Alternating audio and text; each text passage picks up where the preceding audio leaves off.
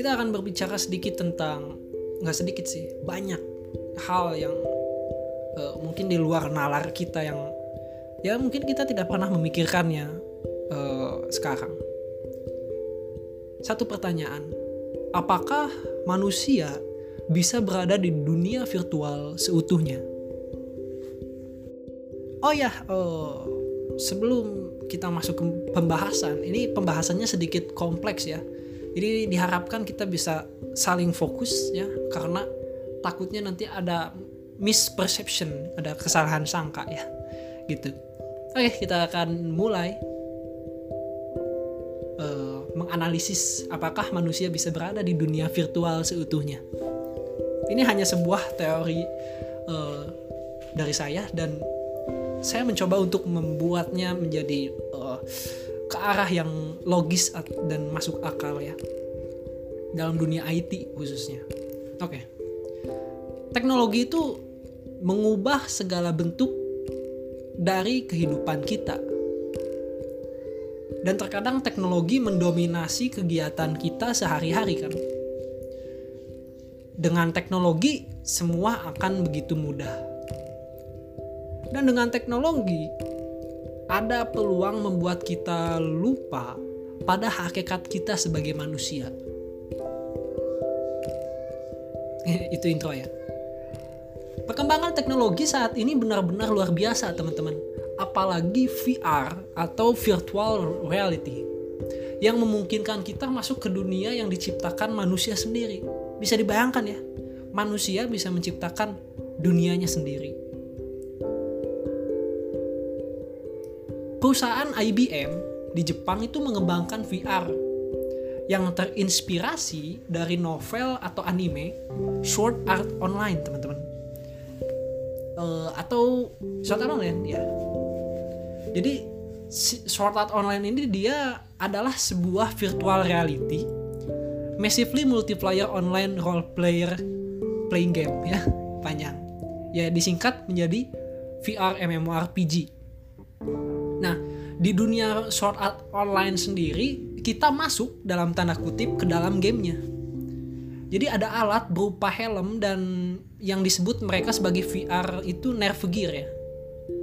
Nah penggunanya ini kita terlentang di kasur seperti tidur dan menggunakan helmnya dan boom kita bisa bergerak bebas di dunia VR secara seperti dunia nyata kayak gini gitu. Di dunia kesehatan misalnya. Dua tahun lalu itu rumah sakit di Jerman itu menggunakan virtual reality untuk uh, praktek pembedahan. Dengan basis perangkat lunak yang dibuat oleh Julian Spidel Spidel ya. Mereka bisa mempelajari anatomi dalam tubuh langsung melalui kacamata VR reality virtual reality gitu Nah, kemudian dengan mempelajari anatomi melalui teknologi tersebut, dosen-dosen, dosen, dokter ya, dokter itu bisa mengetahui bagaimana mereka melakukan operasi. Sebagai contoh misalnya bagaimana jika mengangkat satu organ apakah akan mempengaruhi organ lain. Nah, selain itu mereka juga bisa melakukan praktek operasi itu menggunakan model ya model seperti manusia-manusiaan dan kacamata VR gitu. Tidak hanya di dunia kedokteran, uh, virtual reality juga bisa digunakan untuk mengobati gejala-gejala psikis, teman-teman. Uh, ya, kayak pasien-pasien yang ada gangguan sedikit gangguan jiwa gitu. Dikutip dari Dazzle, ini ada sebuah studi ya dari British Association for Behavioral and Cognitive Psychotherapy itu menyarankan untuk mencampurkan perilaku kognitif behavioral terapi CBT, CBT ya, dengan teknologi virtual reality. Jadi untuk membantu menyembuhkan gejala-gejala kecemasan gitu dengan kehidupan nyata. Ya, ya dalam kata lain bisa disebut sebagai ya si pasiennya suruh main game gitu aja gitu ya. Sesi dalam VR CBT tersebut, pasien itu dapat merasakan lingkungan sekitar seperti trotoar, kafe, supermarket, dan pasien juga nanti diberi kuesioner, uh, kuesioner ya dari sesi tersebut. Apakah mereka merasa kecemasan atau tidak gitu setelah menggunakan VR. Oke, mungkin itu sedikit intermezzo tentang VR ya. Nah, kita akan masuk ke permasalahan sebenarnya. Ini sedikit kita akan serius ya. Apakah manusia benar-benar masuk bisa benar-benar masuk ke dalam dunia virtual seutuhnya. Jadi seperti kayak Sao tadi kita cuma duduk atau tiduran pakai suatu alat dan kita bisa berjalan bergerak bebas di dalam VR. Oke. Okay? Oke, okay, kita akan pecahkan semua masalah ini. Ini masalah besar ya sebenarnya. Jadi di IT itu kita kan di diajarkan untuk memecahkan masalah-masalah besar ke bagian-bagian kecil, masalah-masalah kecil yang harus kita selesaikan dan nanti akhirnya akan uh, bermuara pada permasalahan besar yang terselesaikan seperti itu ya. Oke, yang pertama yang harus kita pahami dulu di awal itu bahwa semua yang ada di kehidupan kita itu adalah data, teman-teman. Jika mengambil sudut pandang teknologi, kita juga mungkin udah tahu ya, data itu adalah representasi dunia nyata. Seperti tinggi kita, umur kita, jumlah rambut bahkan, itu data ada sel, ada gen, itu juga data. Nah, data tersebut diolah menjadi informasi oleh otak kita dan disalurkan ke bagian tiap tubuh kita gitu. Kita ambil contoh nih, di bagian penglihatan manusia. Pertanyaannya adalah bagaimana manusia bisa melihat? Ya mungkin simpelnya ada objek yang kita lihat di depan mata dan data objek itu akan diterima oleh mata kita. Nah, dari mata kita, data objek itu akan dikirimkan ke otak melalui syaraf-syaraf dan akhirnya di otak diproses menjadi sebuah informasi sehingga kita memahami oh itu objek. Misalnya kita lihat lihat gelas oh itu objek gelas gitu. Clear ya itu. Kemudian atau misalnya ketika kita uh, ingin bergerak teman-teman. Misalnya menggerakkan tangan. Semua hal aktivitas kita itu berasal dari otak jadi misalnya dari otak itu ada perintah, hey tangan bergerak, misalnya tangan kanan bergerak gitu. Nah perintah itu akan mengalir dari otak melalui tangan, melalui syaraf, dari otak ke tangan melalui syaraf gitu. Dan akhirnya tangan bergerak. Dan itu dalam kecepatan yang sangat luar biasa. Real time ya gitu. Oke, clear ya. Nah selanjutnya kita harus paham atau saya akan memaksakan teman-teman untuk pahami bahwa tubuh kita itu ibaratnya seperti CPU, Central Processing Unit, pada komputer. Semua ada bagian dan fungsinya. Oke, okay? misalnya prosesor, prosesor mirip dengan otak kita gitu. Tapi kita kan nggak akan apa, nggak akan berbicara tentang fungsi-fungsi CPU. Tapi yang kita akan uh, uh, bahas di sini adalah bus teman-teman tahu kan di motherboard itu ada garis-garis. Kadang putih kadang ada emas gitu. Nah bus ini yang menghubungkan semuanya menjadi satu kesatuan yang utuh. Nah bus ini di, diibaratkan kalau dalam tubuh kita itu adalah syaraf teman-teman. Gitu.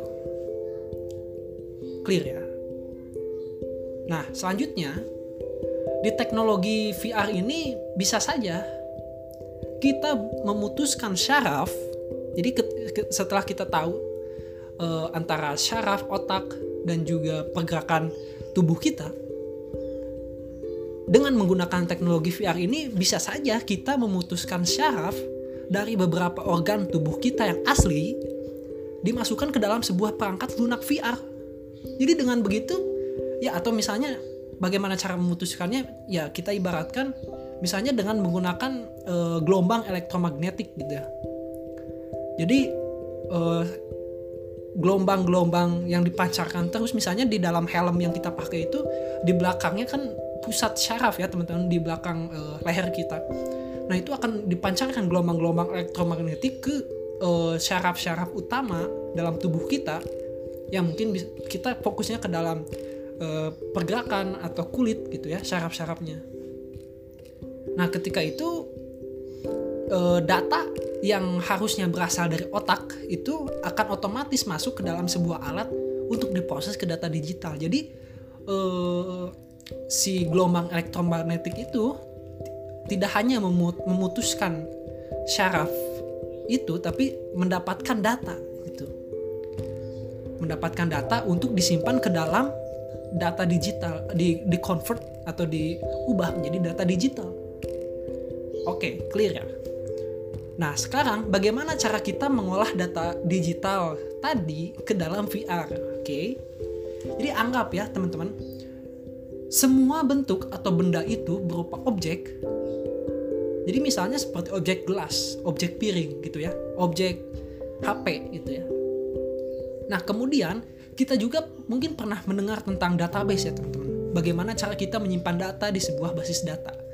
Nah dari sana setelah kita membawa semua data yang dikirim dari otak tadi disimpan ke sebuah database yang besar.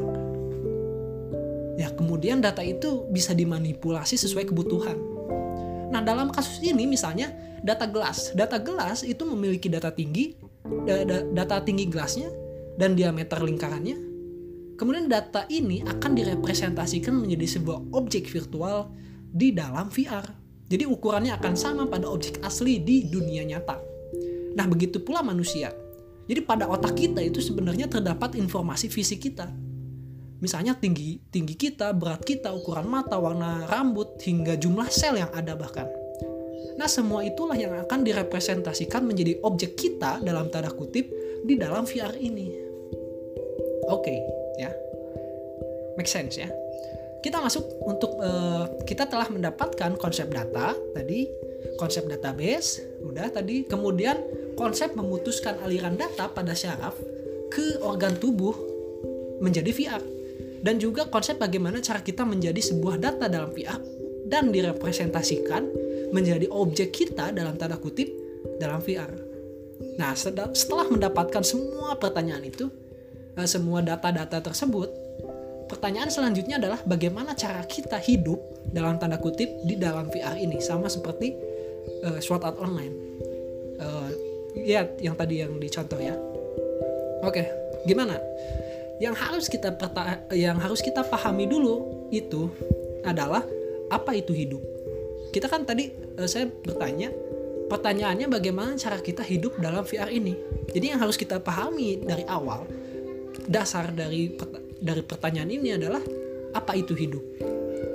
Menurut KBBI, kita akan berpatokan pada KBBI, hidup itu adalah masih terus ada, bergerak dan bekerja sebagaimana mestinya. Dan hidup menurut saya hidup itu adalah menempati ruang dan waktu. Oke. Okay?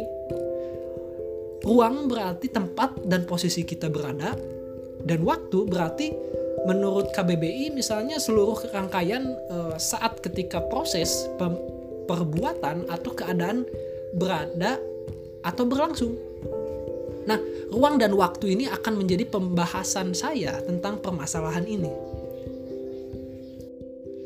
Dalam VR, selain ada data yang telah kita bahas itu dipenuhi, di dalamnya ada ruang dan waktu, teman-teman, yang harus dipenuhi juga sebagai syarat agar kita bisa masuk atau hidup ke dunia VR seutuhnya. Oke. Permasalahan kita yang pertama adalah kita harus tahu dulu apa persamaan kita dan komputer. Nah, persamaan kita dan komputer adalah waktu.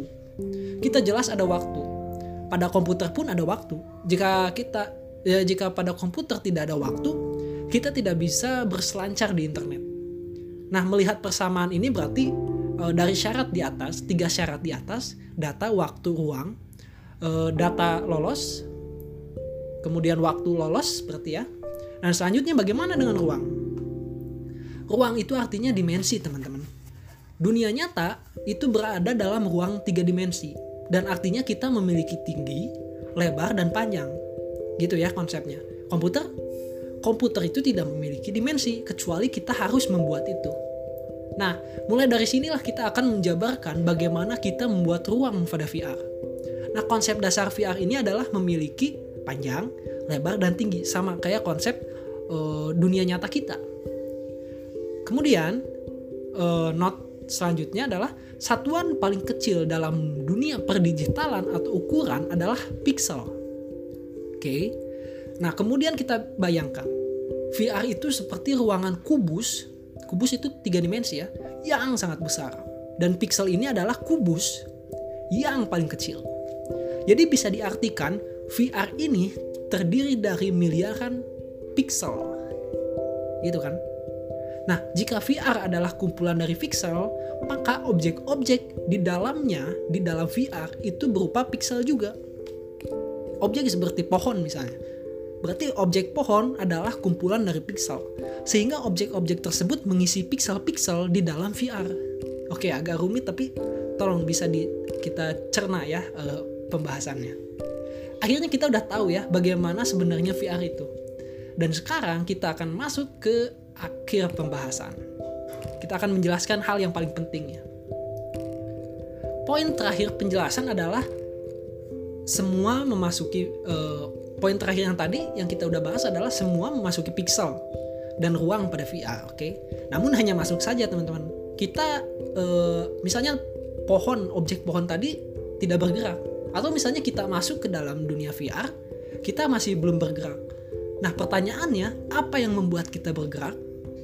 Tapi sebelum itu, kita harus bertanya kembali ke uh, filosofis tentang apa itu bergerak.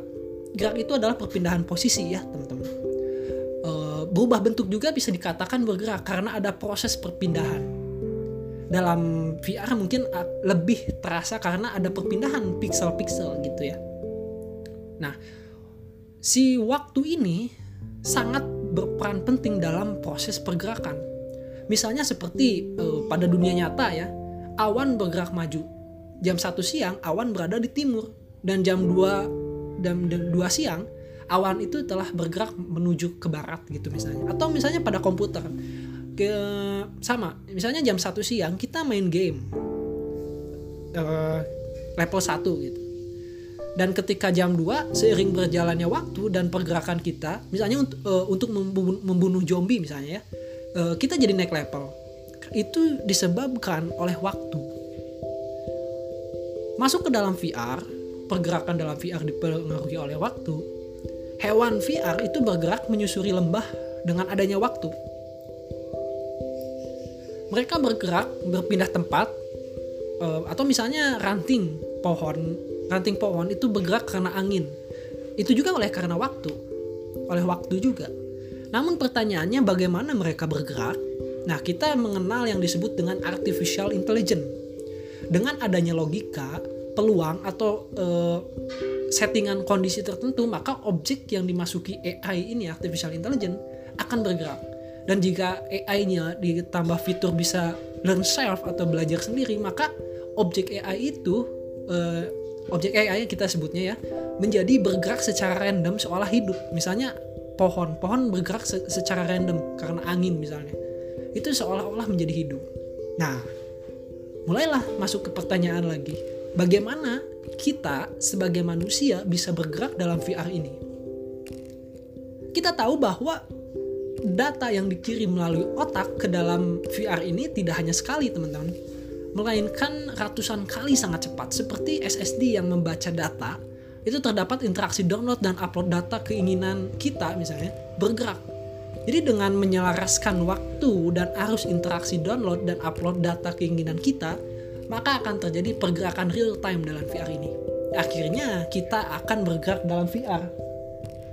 Nah, pada akhirnya manusia akan bisa benar-benar berada dalam dunia virtual seutuhnya. Konsep ini tentu akan bertentangan dengan uh, keadaan kita yang sekarang, teman-teman seperti bagaimana moralitas di sana, bagaimana hak asasi manusia di sana, bagaimana kita menikah di sana. Apakah sah jika kita beribadah dalam VR ketika kita beragama misalnya, atau apakah kita bisa bekerja di sana? Semua pertanyaan itu akan e, terjawab ketika konsep ini terrealisasikan, terwujudkan. Karena semua akan berevolusi. Ketika high tech berevolusi, maka moralitas, kehidupan, dan lainnya itu akan ikut berevolusi.